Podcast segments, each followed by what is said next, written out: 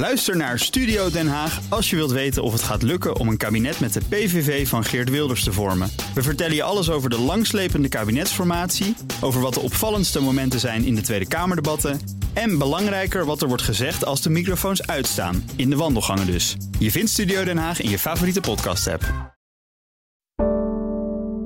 Een goedemorgen van het FD. Ik ben Pauline Huster en het is vrijdag 2 september.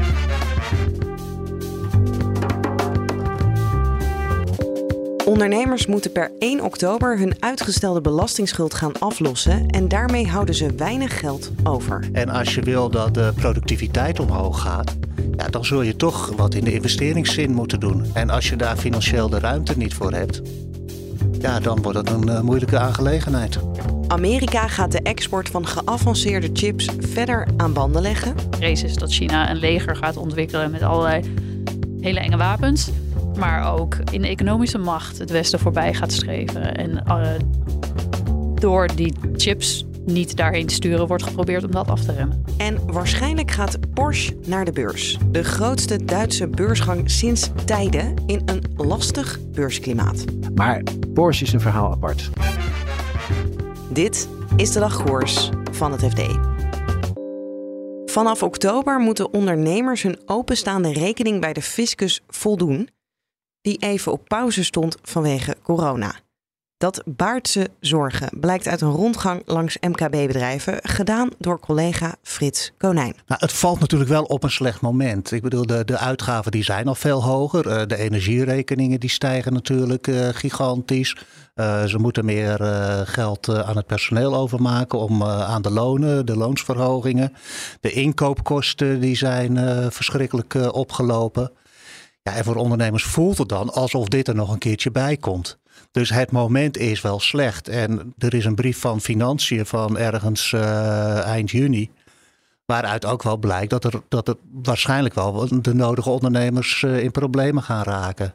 De, de Financiën die heeft het 105, over 135.000 ondernemers die uh, dat moeilijk kunnen gaan opbrengen. Wat betekent het dan? Komen die acuut in de problemen? Want het is pas, ja, ze moet ja, vijf het jaar is, lang. Het is, een, het is een theoretische berekening, dus dat is niet helemaal te zeggen.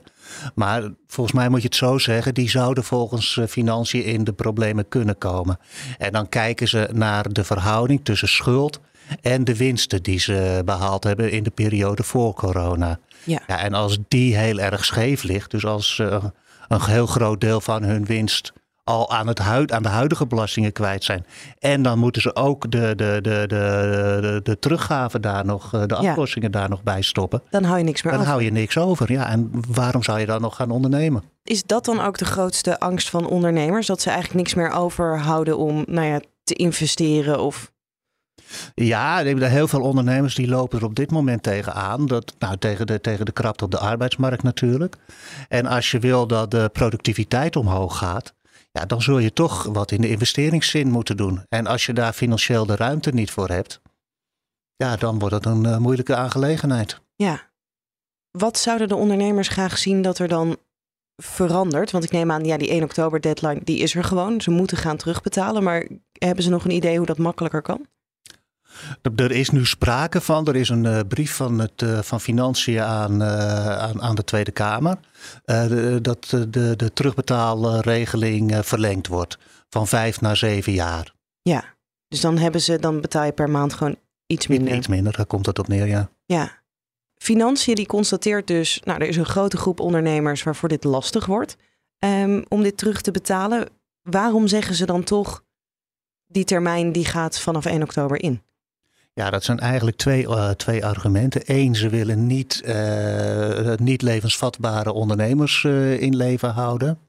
En twee, zijn ze bang voor het creëren van een ongelijk speelveld. En dan moet je eraan denken dat, dat ja, veel ondernemers hebben hun belasting natuurlijk wel al terugbetaald. Ik bedoel, er stond in totaal een schuld uit van 47 miljard.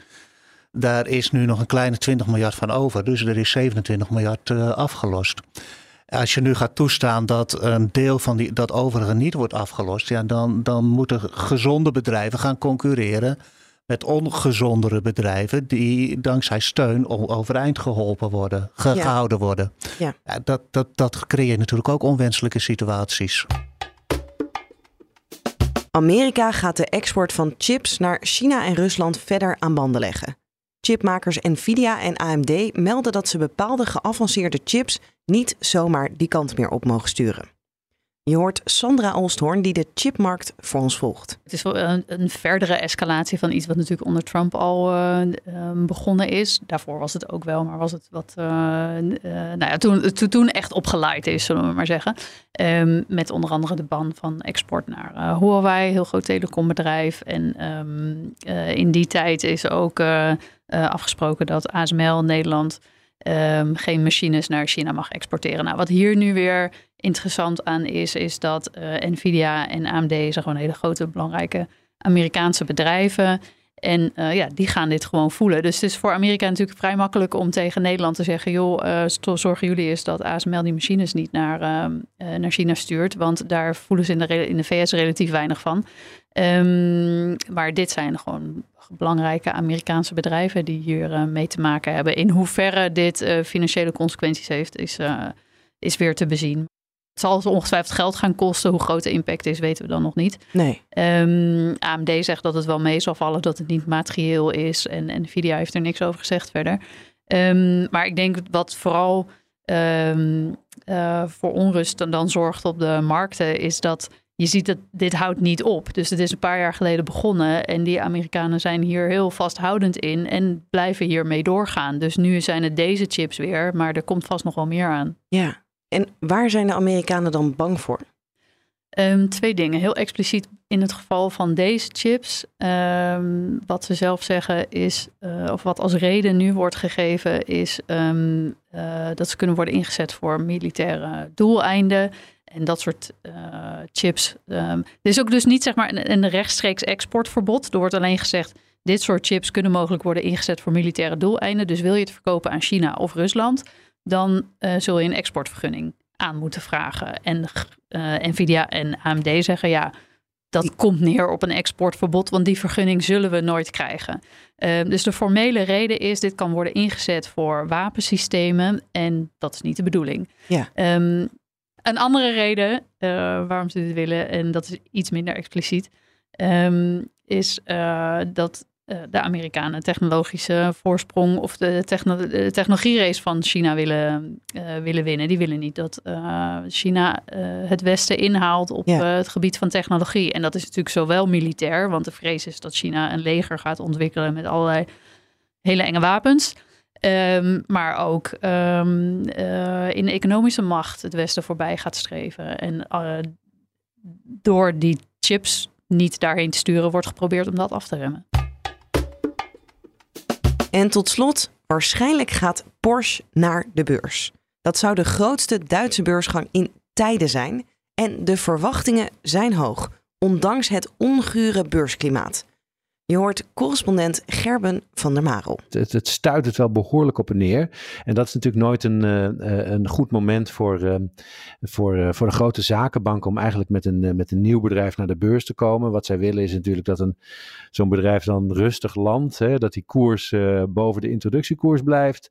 een beetje oploopt en dat iedereen tevreden is. En de banken hun provisies kunnen verdienen en niet allerlei claims aan de broek krijgen van beleggers uh, dat het bedrijf voor te veel geld is verkocht. Um, uh, maar Porsche is een verhaal apart.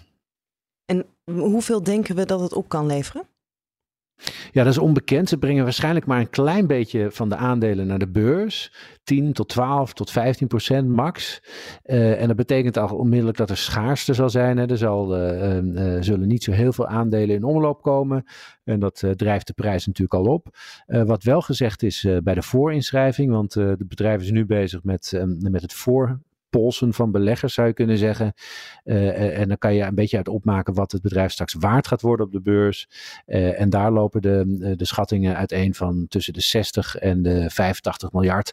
Ja, en dat is een hele grote hoor op het, in het beursgenoteerde geweld. Ja, en hoe is dat op de Duitse beurs? Dat ja, zal een van de grootste zijn dan. Ja, dat is een, dat is een heel groot bedrijf, uh, wordt dat. Uh, en wat het bizarre is, is dat uh, Porsche momenteel eigenlijk onderdeel uitmaakt van, van een hele grote onderneming, die heet Volkswagen. die kennen we natuurlijk ook allemaal. Daar hangen twaalf verschillende merken onder. en Porsche is daar één van. Uh, en door het los te maken van het moederbedrijf, hè, langzaamaan, hè, want dat, is, dat gaat stapsgewijs, zou het wel eens meer kunnen waard kunnen worden op de beurs dan het moederbedrijf zelf. En dat zegt veel over, uh, over de reden van de beursgang. Uh, bij Porsche wordt al heel lang geklaagd. Hè beetje achter de coulissen. Uh, durven ze natuurlijk niet echt hardop te zeggen. Maar dat um, er heel veel waarde in het bedrijf zit. Dat er nu niet uitkomt. En dat ze eigenlijk veel beter kunnen gedijen. Als ze zelfstandig kunnen opereren. Als het bedrijf weer hè, het merk echt op eigen benen staat. En waarbij ze dus niet ja, die, die, die, die, die, goede winsten die ze elk jaar op jaar boeken. Dat die niet ten goede komen aan de kwakkelende autobedrijven. En bedrijven hè, uit, die, uit die stal van, van Volkswagen. Dus dat is het idee. Dat als ze maar loskomen op eigen benen staan uh, dat er veel meer waarde uit te halen valt uh, voor, voor, voor de eigenaren, voor de grote aandeelhouders. Ja, maar ze gaan maar gedeeltelijk op eigen benen staan. Ja, dat is, dat is uh, ja, gedeeltelijk in de zin dat, uh, dat Volkswagen betrokken blijft. En Porsche ook afhankelijk blijft van, van bijvoorbeeld van de software van Volkswagen. Hè, waar allerlei problemen mee zijn. dus het is een, het is een ja, een, een, stapje richting zelfstandigheid. Maar uiteindelijk, hè, de, de, de, we moeten het ook even over de eigenarenfamilies hebben. Hè, dat is de familie Porsche, dat is de familie Piech. En dat, dat zijn de eigenaren, de grote aandeelhouders, met alle zeggenschap eigenlijk bij Volkswagen. Dat ligt wat ingewikkeld, maar Porsche is ooit ontstaan uh, in de jaren 30 uh, eh, als zelfstandig bedrijf.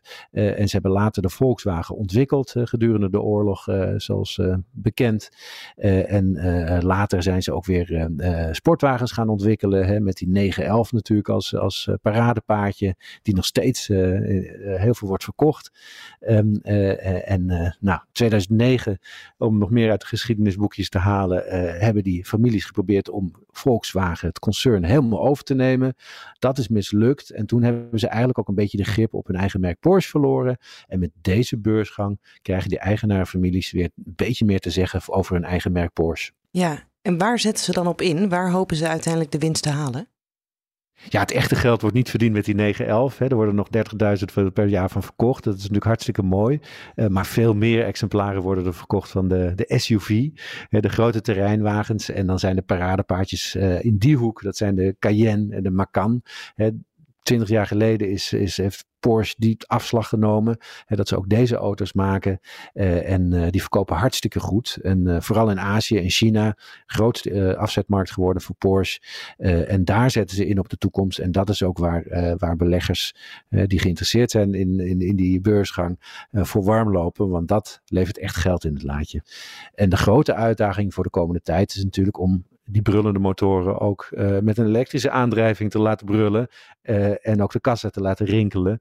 Uh, en want dat is eigenlijk wat Porsche wil. Die willen in 2030 nog dat 80% van de nieuwe modellen die uit de fabriek rollen, dat die op, op stroom worden aangedreven.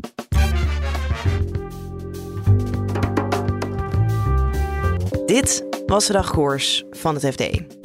We zijn er elke werkdag, dus maandagochtend is er weer een nieuwe aflevering. Die krijg je automatisch binnen als je je op ons abonneert. En dan krijg je ook morgenochtend automatisch in deze feed onze weekendpodcast binnen. De week voorbij met Elfanie Toulaar. Alvast een heel fijn weekend en graag tot maandag.